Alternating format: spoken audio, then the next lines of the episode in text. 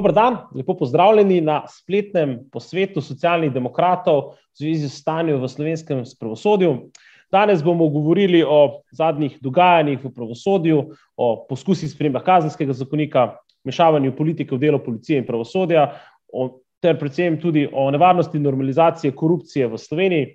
Z mano imam štiri odlične goste, podpredsednico socialnih demokratov, nekdanjo ministrico za pravosodje, Toršico Andrejo Katič, novo izvoljenega predsednika strokovnega sveta za pravosodje in novega člana socialnih demokratov, dr. Igorja Šoltesa, tudi nekdanjega evropskega, eh, nekdanjega evropskega poslanca in pa predsednika računskega sodišča, te pa poslanko in poslanca socialnih demokratov, eh, tudi člana odbora za pravosodje in notrne zadeve, eh, Toršica Mera Hot in pa tovariš Petr Bakovič, z vami sem dr. Štromajer, ki bom moderiral današnji posvet. Lep pozdrav vsem skupaj. Igor, k tebi lep pozdrav, mislim, da na Kosovo, kjer si na mednarodnem projektu. Dobrodošel v družbi socialnih demokratov in socialnih demokrat. Bil si predsednik računskega sodišča, nekdanji evropski poslanec.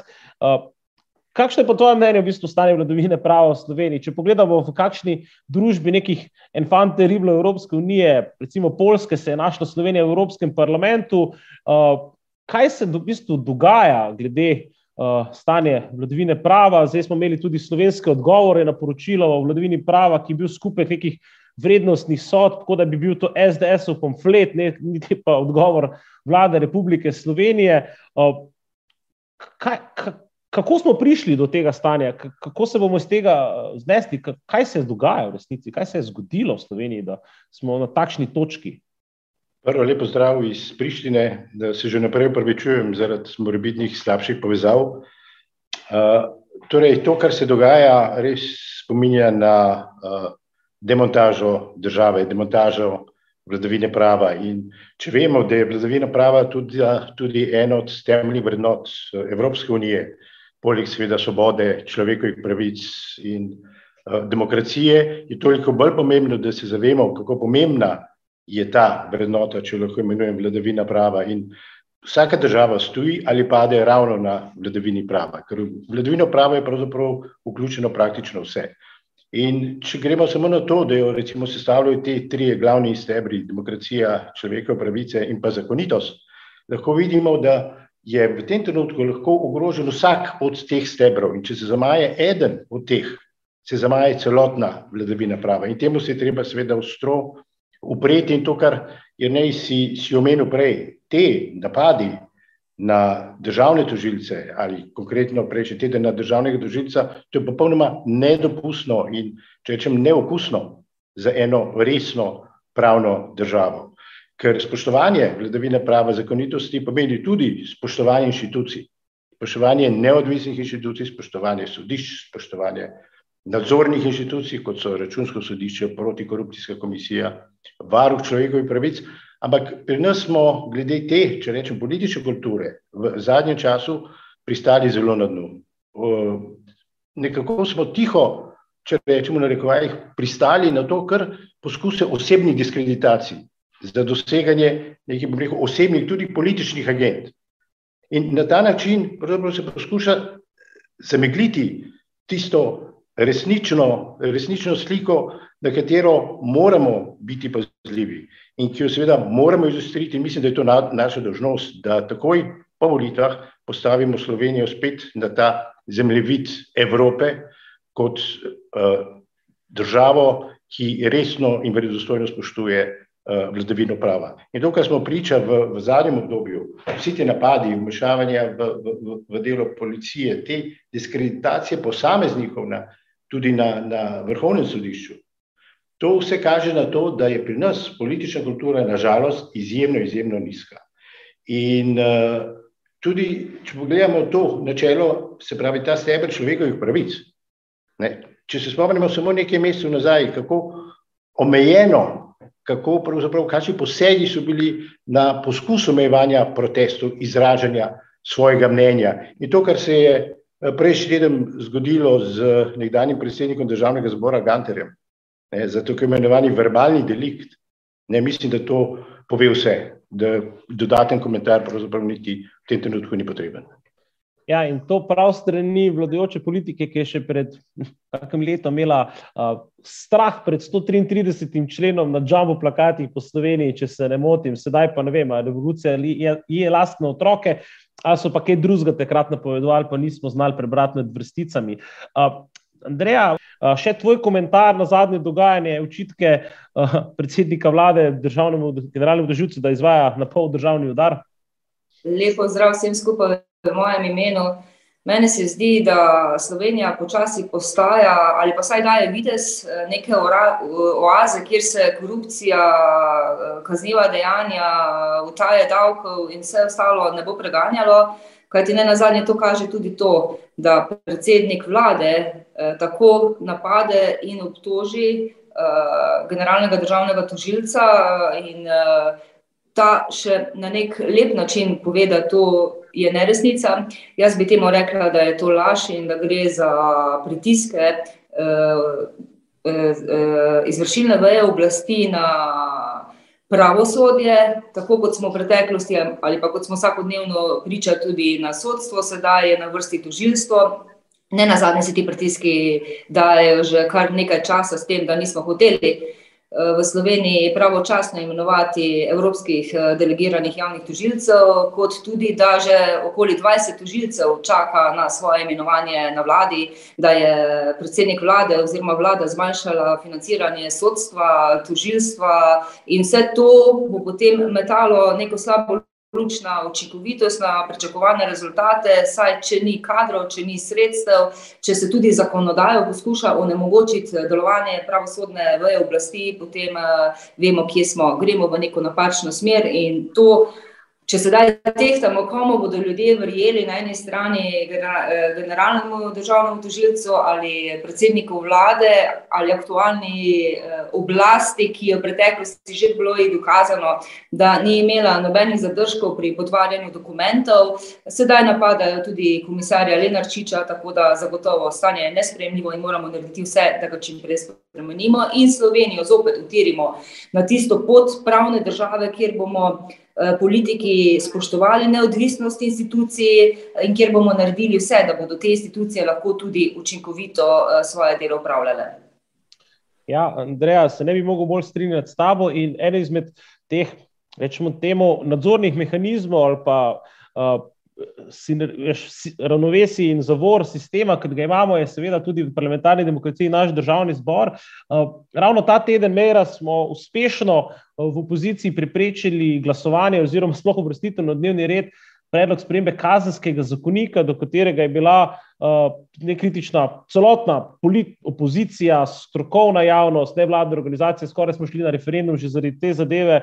Uh, kaj, kaj se dogaja v parlamentu, da lahko zmaga Ilinčič, formalno opozicijski poslanec z glasovi koalicije, da na mizo takšen zakon in kaj bi sploh ta zakon, če bi bil sprejet, prinesel v slovensko družbo, pravosodje, pravni sistem?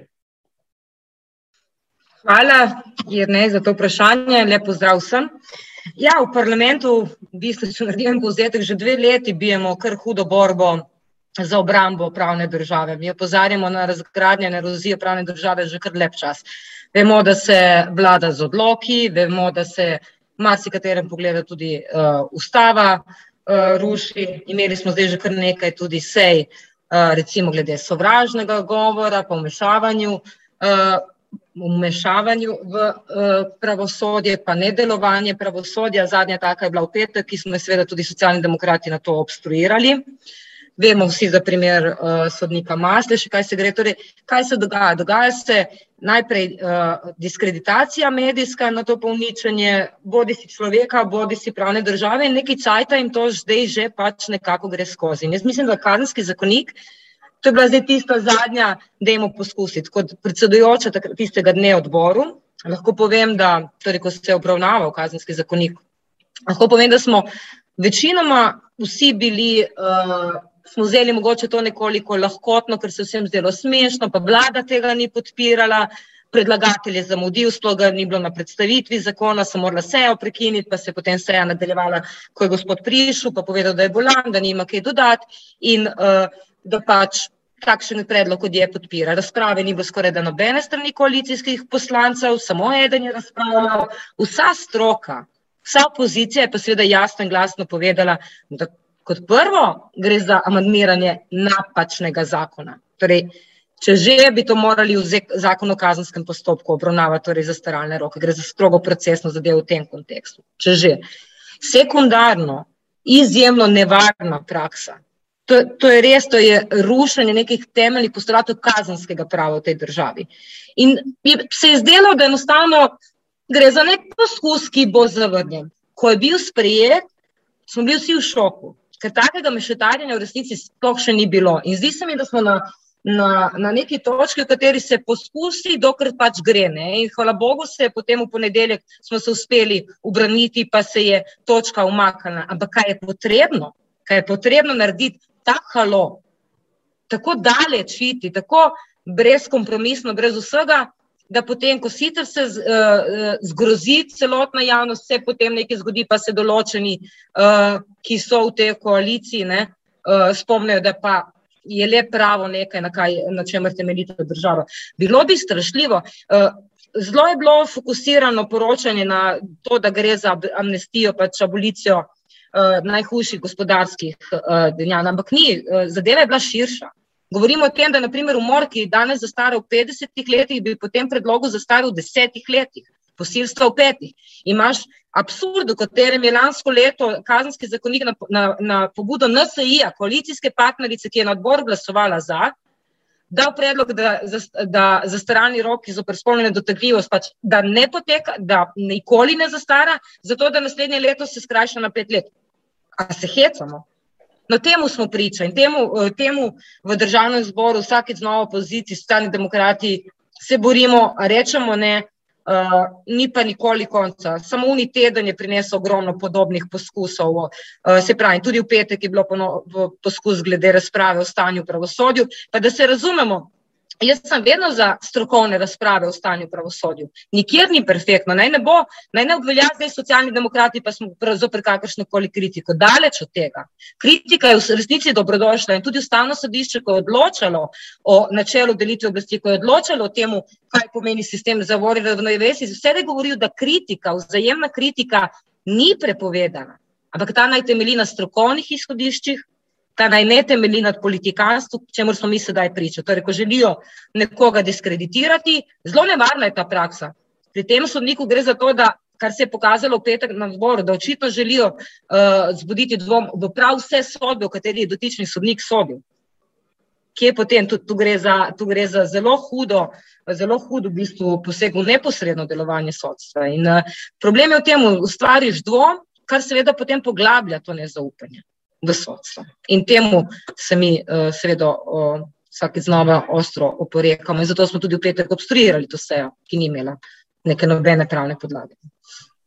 Zdaj, ko to poslušam, pa to, to enkrat bi NSI dalo za staralne roke na pet let, enkrat ne bi sploh, uh, sploh obstajali za staralni roki. To, to, to ni tako sredinska politika, kot kakšna šizofrena politika, zdaj, če, če že ne. Ampak zdaj, ne znam v lepi slovenščini tega povedati, pa bom vseeno. Uh, kolega Bakovič, smo mi na mesto checks and balances, kjer bi mogli imeti tri ločene veje oblasti, ki seveda po sistemu zavorjenja ravnovesja eno drugo nadzirajo in so oblikujejo na takšen način, da pač sistem deluje kot demokratična družba, da smo zdaj prišli v stanje, kjer, prostite, izrazu ne može nam niko ništa, očitno strani aktualnega uh, vlade, v smislu, da je vse dovoljeno. Ne? Se pravi, da neke stvari, o katerih si včasih niti pomislili, ne bi, da zdaj gredo mimo tako, en news cycle in to je to. Recimo, vem, ta teden imate v državnem zboru uh, delo poročilo glede nedopustnega političnega vmešavanja v delo policije in političnega vplivanja na potek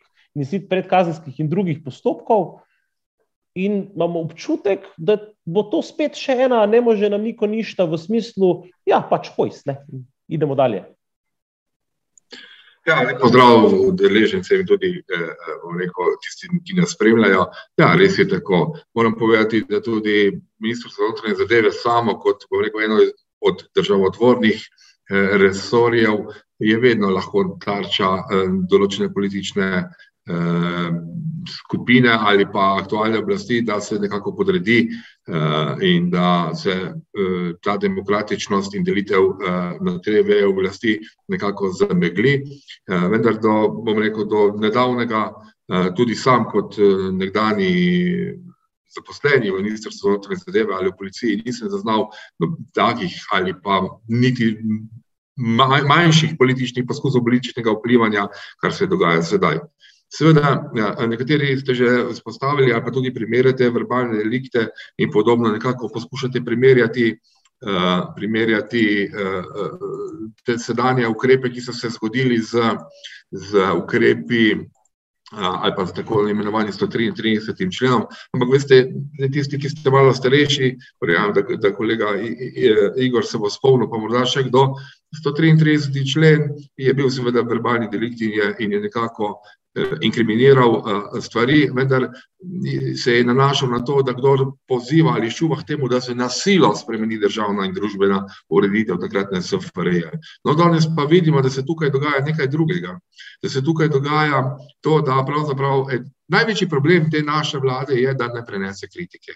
In če je nekdo kritičen, tako ali drugače, mu sledi kazen. In to se je seveda zgodilo tudi z samo policijo in tako se dogaja tudi v policiji. Zadnji primer, ki je bil že spostavljen, torej kaznovanje bivšega poslanca in predsednika državnega zbora, gospoda Ganterja, zaradi, e, kazni, zaradi prekrška, ker naj bi nekoga e, užalil s tistim svojim tvitom, ne na zadnje obračunavanje s sindikati v policiji, kjer so se stvari zgodile e, na na način, da sindikati so pozorili na določene nepravilnosti in potem seveda so bili zaradi tega deležni nadzorov, zaradi tega so se jim ukinile kvote ur, zaradi tega so morali iti nazaj v matične note, saj za polovični delovni čas, če v primerjavi za vojsko lahko pogledamo, da tam sindikalni zaupniki delajo 100% delovni čas v, v, v teh um, um, njihovih sindikalnih eh, organizacijah. Seveda to, to kaže na to, da nekdo na nek način poskuša, eh, eh, poskuša disciplinirati neobogljive, poskuša disciplinirati tiste, ki so nasprotniki ali ki se, bom rekel, so kritični in nastaviti ljudje, ljudi, ki bojo slepo izpolnjevali neke njihove parcialne interese. In točno to je pokazala tudi komisija, katero, preiskovalna komisija, katero smo ustanovili in ocenjujemo, da je bila nujna in seveda tudi potrebna. Ugotovili smo, eh, izsledki preiskovalne komisije seveda so, so dostopni tudi na spletnih straneh. Poročilo je začasno ali pa neko začasno poročilo je spisano. Od, od situacij, ki so notro opisane, so najbolj odmevne tiste, ki so ugotavljali, da so se organizirale ali pa da so bile organizirane in ustanovljene iz delovne skupine, kamor se je dalo strokovnjake, ki pravzaprav uh, uh, uh, nimajo nič s tistim resorjem, pa niso imeli nič, pač pa so jih na ta način umaknili iz, iz, iz te pozicije. Torej, uh, do tega, da se je diskreditiralo izkušene kriminaliste, ki so delali na odmevnih primerov z zelo podlimi metodami, kjer so sodelovali tudi nekateri poslanci ki še danes držijo, bom rekel, štango uh, aktualni vladi.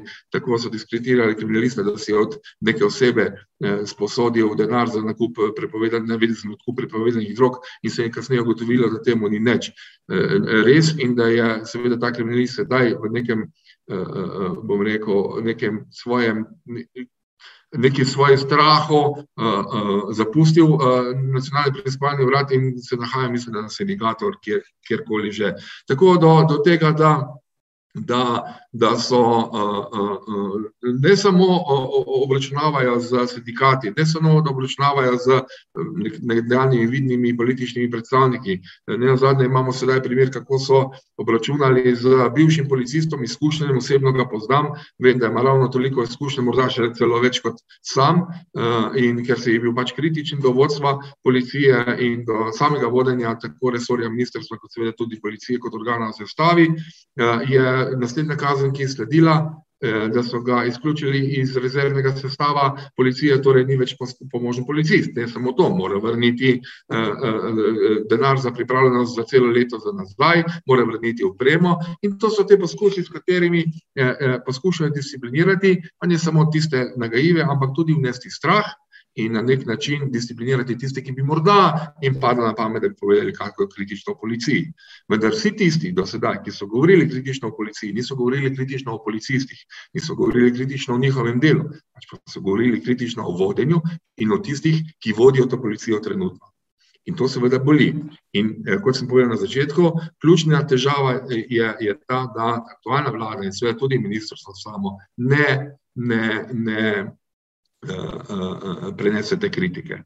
K temu poročilu sta posebno poročilo dodala, ali pa bomo rekel tudi ločeno poročilo napisala gospod Jelinčič in pa kolega gospod Kaloh, kjer se seveda ne strinjate z ugotovitvami tega začasnega poročila.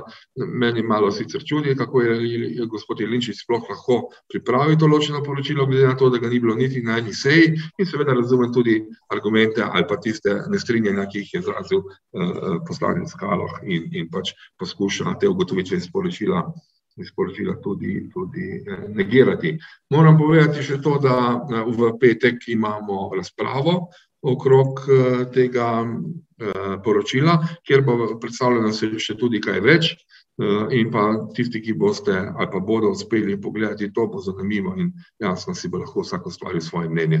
Dejstvo pa je, da tako, tako duhamorno stanje, kot je trenutno v policiji, pravzaprav ni bilo nikoli. Bom rekel, tudi več kot 30 let nazaj. Jaz sem sam prišel v policijo leta 83, pa nisem zaznal takih, takih situacij in pa takih apelov posameznikov, pa ne posameznikov, kar velikih grup, ki se pač ne strinjajo z, z takšnim vodenjem, vendar situacija je taka in to bomo morali zagotovo spremeniti. Hvala lepa. Ja, sej, oh, represivni aparat države v napačnih rokah eh, lahko hitro rata velik, velik problem. Vidimo tudi, da lahko v bistvu zelo malo verjamemo odločevalcem na položajih, eh, ko trdijo, kaj se v resnici dogaja ne, in eh, kako je že ti spregovor. Kdor laže, tudi ne bom raje nadaljeval. Bi pa Igor tebe vprašal, Transparency International, ne, zdaj smo veliko govorili o tem, kaj se dogaja. Politično v policiji, oziroma kakšne so spremembe. Nam je pa Transparency International Eh, priznana mednarodna nevladna organizacija, eh, letos po indeksu zaznave korupcije nas uvrstil na najslabše mesto po letu 2013. Vemo tudi, kdo je takrat vodil vlado v Republiki Sloveniji. In smo kaj na 41. mestu, najslabše že v dolgih letih, in pa predvsem oddaljeni od držav EU, OECD. Dnevno imamo priča Eh, zgodbe v medijih, da si človek težko sledi, kuli tam, traktori tu, papirnate servetke na mesto maske tam.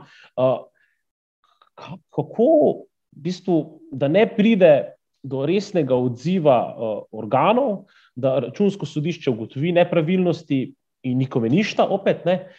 Kako, kako to presekati, kako, kako v bistvu Slovenijo vendarle bližje ne poprečju EU in OECD, ampak med, med države, kjer kjer, kjer je pač imamo ničelno stopno korupcije, oziroma ničelno toleranco do korupcije. Jaz sem občutek, da, da pod to vlado nič se ne zgodi, potem ko se kaj takšnega dokaže, ministrom, vidnim funkcionarjem in podobno. Igor, bolje te bomo slišali, če boš vklopil mikrofon. Raje govorim potiho. Ne, šala. Uh, to sem hotel reči, da je zanimivost, ne, država, v kateri sem trenutno, je na tej isti lestvici, glede indeksa zaznave korupcije, napredovala za sedem mest. Eh, kar pomeni, da eh, vlagajo velike napore za to, da se, da se to stanje rekel, korupcije in nenehnih obtoževanj spremeni in spremajo zelo odločne ukrepe v boju proti eh, sveda, korupciji. No, pri nas, kot je znano, imamo poleg seveda te klasične delitve oblasti tudi to tako imenovano četrto vejo oblasti, se pravi tiste, ki nadzirajo samo oblast. Eh, od računskega sodišča, varuha do eh, seveda protikorupcijske komisije eh, in tako dalje. In, in poblaščenca, ne smemo pozabiti, ki je bil tudi v zadnjem času deležen silovitih napadov, ker pač njegove odločitve niso bile všečne trenutni trenutni oblasti, kot tudi ostri napadi na računsko sodišče, kar je popolnoma uh, nedopustno. Uh, moram reči, da sem bil sam tudi predsednik računskega sodišča dolgih devet let, ampak takih napadov, kot so zdaj, uh, nisem bil nikoli deležen, vsaj ne na tak način. In uh, moram reči, da tisto, kar, kar pa je treba povedati, kljub vsemu, ne, računsko sodišče nima in je prav, da nima teh tako imenovanih kazenskih pristojnosti. Naloga računskega sodišča je, da revidira, da opozori, da pravzaprav daje svoje mnenje o pravilnosti in smotrnosti poslovanja. Naloga drugih organov pa je, da se odzovejo na to vrstne gotovitve. Prvo, seveda, sami revidiranci, ki morajo spremeniti svoje ravnanje, če je seveda, ne govorim samo nezakonito, ampak eh, negospodarno in v nasprotju z, z uh, pravili igre. Po drugi strani pa imamo tukaj še seveda pravosodne organe, tožilce, ki se morajo odzvati na tako imenovane kršitve, ki izžarevajo sume storitve kaznjivih dejanj. In če ta krok seveda ni sklenjen, se ponavadi potem ne zgodi nič. In uh, to je tisto, kar potem uh, bode oči, in veliko krat te inštitucije se potem deležno očitkov, ne, da, da se nič ne zgodi, da pravzaprav kljub opozarjanju ni posledic. Uh, bi pa tukaj želel povedati, ne, če govorim tudi o politični kulturi, če smo resna pravna država, potem seveda teh pristojnosti taka inštitucija ne potrebuje, govorimo o kazih, je dovolj že opozorilo, je dovolj že mnenje, da pride do reakcije. Če pa se nekdo požvižga na ta mnenja, če poskuša minimizirati ta mnenja, če poskuša diskreditirati inštitucije in posameznike v njih, potem si lahko predstavljate, kakšen je tudi občutek državljanov. Torej, nekaterim je dovoljeno vse, drugim ni dovoljeno praktično nič, oziroma obratno, za nekatere zakon ne velja, drugi ga moramo spoštovati od začetka do konca, se pravi, v, v celotnem tistem, kar bi moralo zvezovati državo kot, kot celoto. In tu uh, pridem do ene uh, pomembne točke. In sicer, ko govorimo o vladavini prava. Najhuje, kar se lahko zgodi in se trenutno pri nas, kot se zgleda, dogaja, da od vladavine prava ostane samo še vladavina.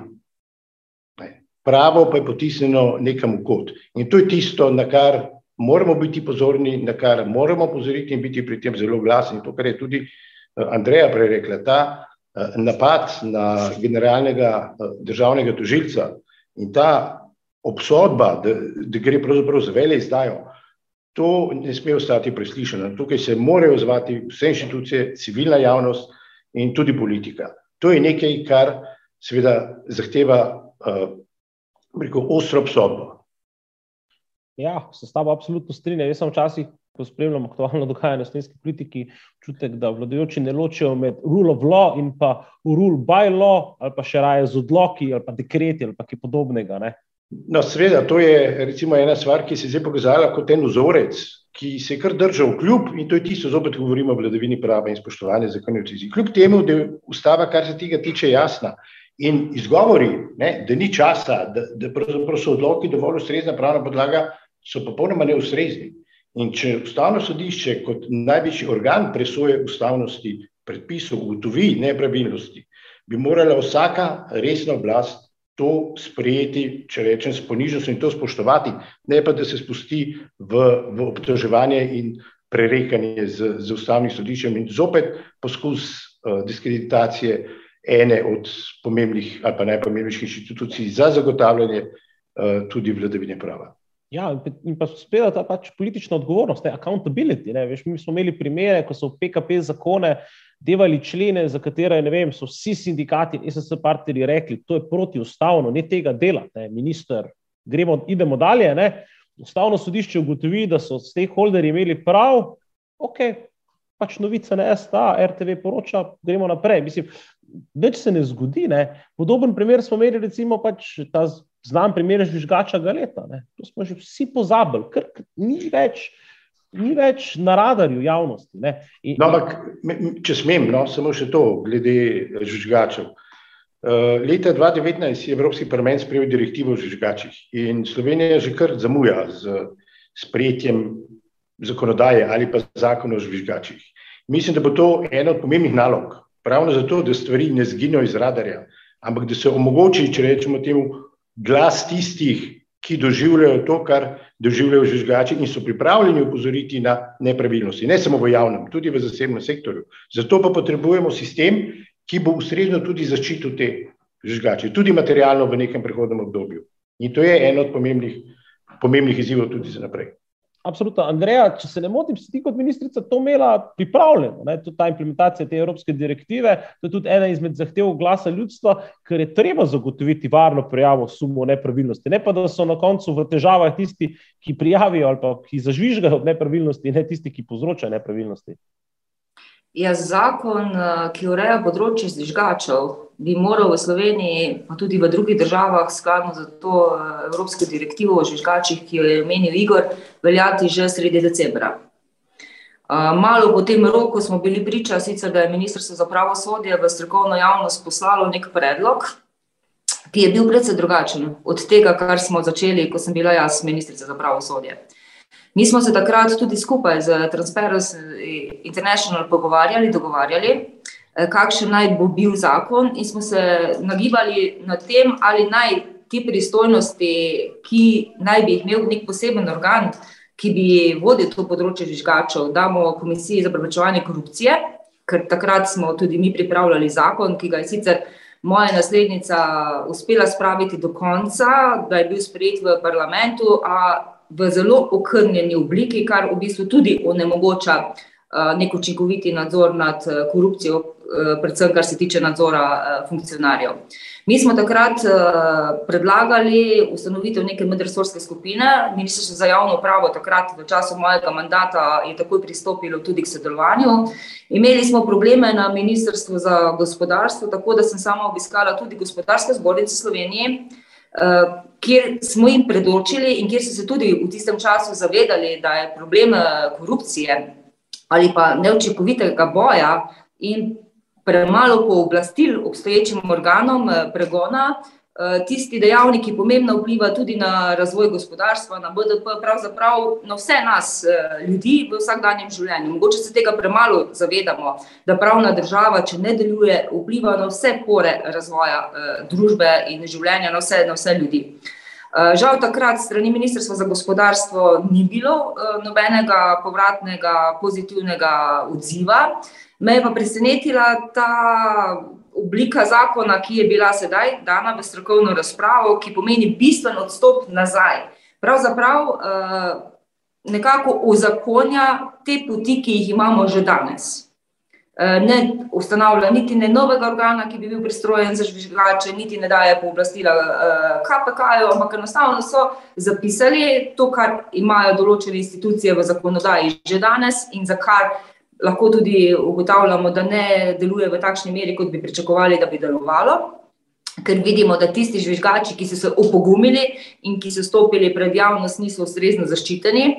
Uh, še več, šli so ožati, kar pomeni zopet bistven odstop od tistega, kar smo mi uh, pod uh, mojim mandatom zastavili, samo na uh, tista področja, ki jih direktiva tudi priporoča. Mi smo pa želeli, da če ustanovimo res dober sistem zaščite žvižgačev, uh, z vsem, tako v gospodarstvu, kot tudi v javni sferi, da se.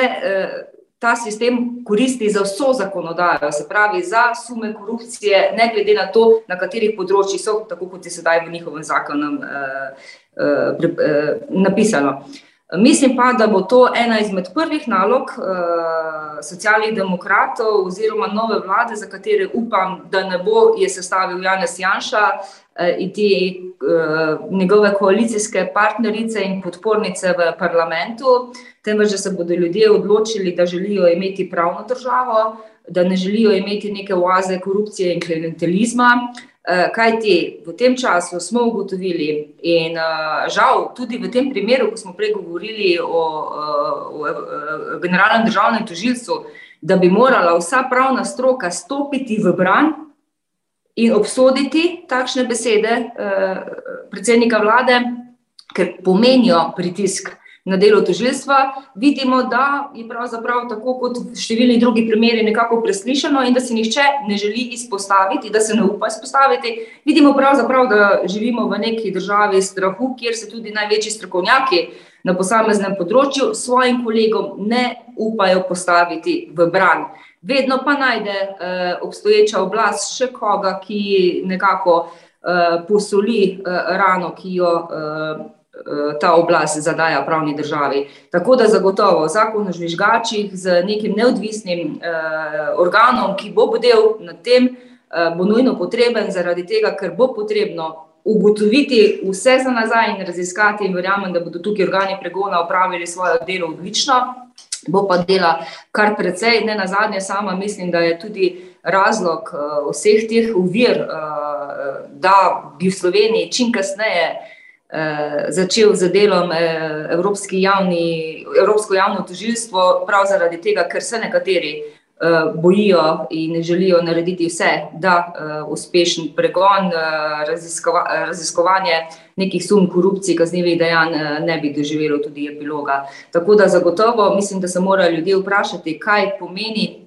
za nas vse, če pravna država ne deluje, če nismo enaki pred zakonom in da se enostavno ne pustimo ustrahovati, ampak apel tudi na vse pravosodne deležnike, da ko smo se pogovarjali o tem odzivu Slovenije na vprašalniku Evropske komisije o vladavini prava, če je ministrstvo za zunanje zadeve poslalo nek svoj vidik pogleda eh, na eh, vprašanja, ki jih je pripravila komisija, da tudi vsi deležniki objavijo tiste odgovore, ki so jih sami pripravili in da se bomo lahko kot državljanke in državljani pripričali, kakšno stanje je pravzaprav danes v Sloveniji.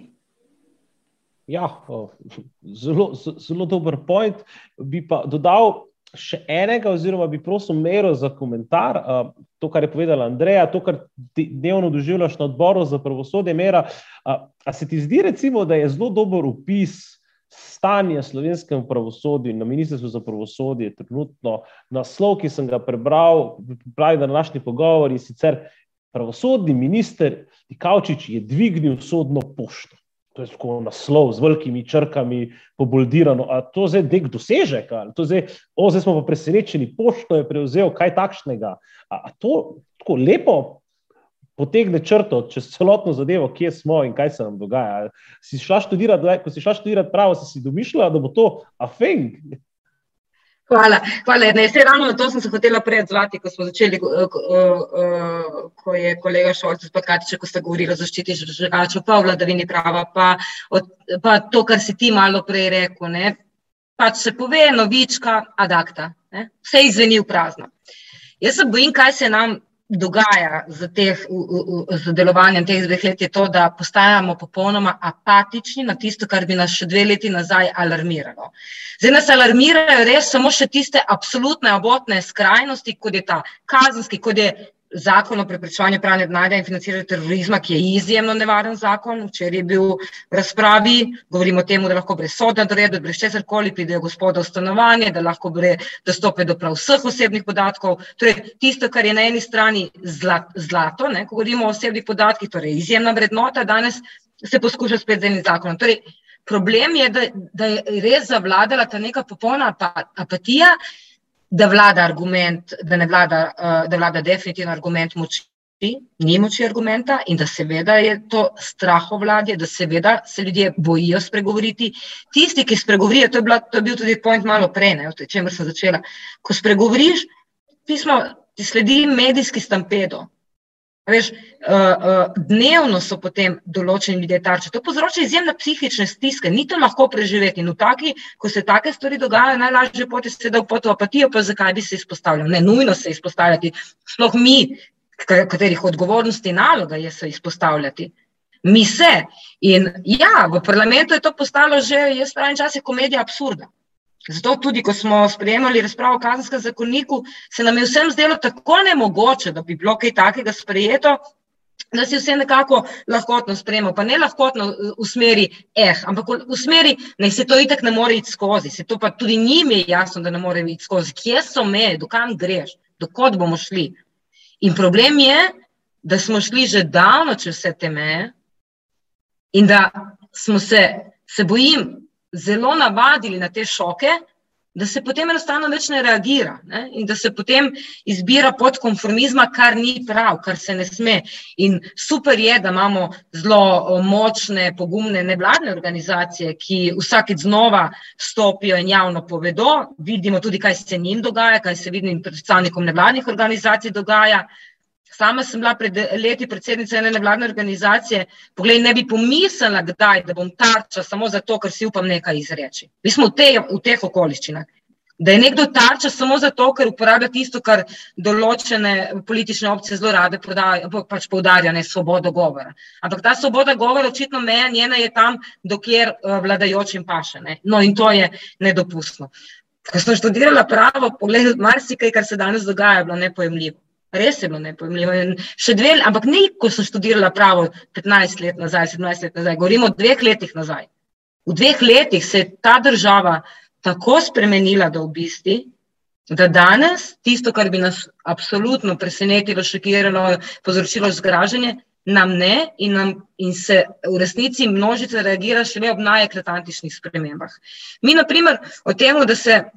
Da je nedopustno vladanje z odloki, jer naj ti veš, mi na to res dolgo upozarjamo. Še pred odločitvami ustavnega sodišča, še pred, da so se določeni pravniki oglasili. Zelo jasno smo povedali, da je poseg v osnovne človekove pravice, mogoče samo v izjemno omejenem primeru in da vedno mora biti na podlagi zakona. Ne more biti na podlagi podzakonskih aktov. Ampak, glej, kljub temu, da smo to vsakič ponavljali, da, da smo sami sebi mogoče včasih že, že presedali od tega, kako eno in isto govorimo, se vsakič znova to ponavlja. Težava je v tem, da enostavno ni, jih nič ne ustavi, razen res skrajnosti, ko se res civilna družba poenoti, ko se res stroka poenoti, ko se evropske institucije oglasijo, do takrat se zadeve ustavijo, pa se potegne korak nazaj, kot je bil primer kazanskega zakonika. Torej, same skrajnosti. Ne? In mi moramo, mi mislim, da mi moramo uh, ne samo povrniti to neko zaupanje, ampak dati ljudem spet glas. Jaz mislim, da to manjka, da, da se ljudje spet počutijo svobodni, da povedo, in da kritika ne bo, ti, ne bo več nekaj nedopustnega, ampak da vsaka kritika je v resnici seveda v smeri spoštljivega dialoga, spremljiva in dopusta, sploh pa kritika oblasti. Ta vedno mora biti, če si želiš pravo demokracijo. Hvala, Mera. Uh, bližamo se koncu našega pogovora. Predrag, zaključil bi s tabo. Uh, ali verjameš, da bo vendarle vse, kar se je dogajalo v teh dveh letih, vendarle sankcionirano, če ne prej, nedeljo 24. na volitvah in pa seveda v demokratičnih in normalnih procesih zahodne demokracije, ki, ki sledijo takšnemu zanimivemu obdobju v slovenskem družbi. No, če ne bi verjel, ne bi več bil tu. E, vprašanje, kaj bi se dogajalo. In dokler vedno upanje, seveda, umre zadnje, pa vendarle menim, da uh, ljudje imajo spomin, ljudje si zapomnijo stvari, tako slabe kot dobre, in ljudje pa se bodo zapomnili tega tudi 24. aprila na volitvah. In jaz mislim, da bo situacija zagotovo drugačna in, in bomo morali priti do nekih, do nekih boljših, boljših časov. Moram reči, da zadnjo izvajanje, ki ga je kolegica Mera povedala, je pravzaprav ne more boljše, boljše opisati situacijo in ne more boljše opisati, v kateri, kakšne stanje smo trenutno. Samo morda za konec, za ilustracijo. Pred nedavnim smo obravnavali poročilo policije za leto 2020. Oči so mi padli prekrški. 30 tisoč prekrškov je policija v letu 2020 obravnavala zaradi po zakonu o nalezljivih boleznih, ki ni njihov primarni zakon. In nekje 7 tisoč, če se prav spomnim, zakona o prekrških za varstvo javnega reda in miru. In vseh teh 30 tisoč je padlo zaradi ustavnih uh, uh, odločb, ki so ugotovili, da so, bile, da so policisti ravnali napak v tem. In nikomor se ni nič zgodilo. Uh, svet tistih odločevalcev, ki bi morali na to ukrepati. Koliko resursov je bilo porabljenih, rekel, v veter zaradi, zaradi volje in nekoga eh, ali pa kaprice nekoga drugega. In veste, kakšen je bil odgovor takrat, ko sem očital uh, predstavnikom policije, to, da, da koliko smo pa rešili življenj, je pa vprašanje. Ja, nikoli ne bomo vedeli, ali je policist, tem, ko jih je nekoga oglobil, uh, rešil kakšno življenje ali ne, po mojem ocenu, ga ni rešil. Ampak hočem povedati, da da so šle te stvari tako, kot je Meira rekla mimo. Če okvir je tako, da na te stvari niti več nismo pozorni ne? in da ugotavljamo, da, da 30 tisoč postopkov in sankcij, ki jih je policija izrekla, so bili pravzaprav vrženi v veter, zaradi tega smo porabili toliko in toliko resurjev, zaradi tega je, je država utrpela takšno in takšno materialno škodo in za katero nihče ne bo odgovarjal. Ampak to je malenkost, o kateri sem govoril. Kje so vse ostale stvari, kje so PKP-10, kje, kje so vsa finančna sredstva, kje so vse nepravilne napave in o teh stvarih, o katerih smo govorili. In jasno, to je treba ponavljati in to bodo tudi ljudje eh, imeli v mislih, ko bodo 24. sedeli v kabinah in obkrožali, koga bojo volili. Ja, in zdaj, ko si to govoril, si me spomnil, da so imeli eno najdaljših policijskih ur v Evropi.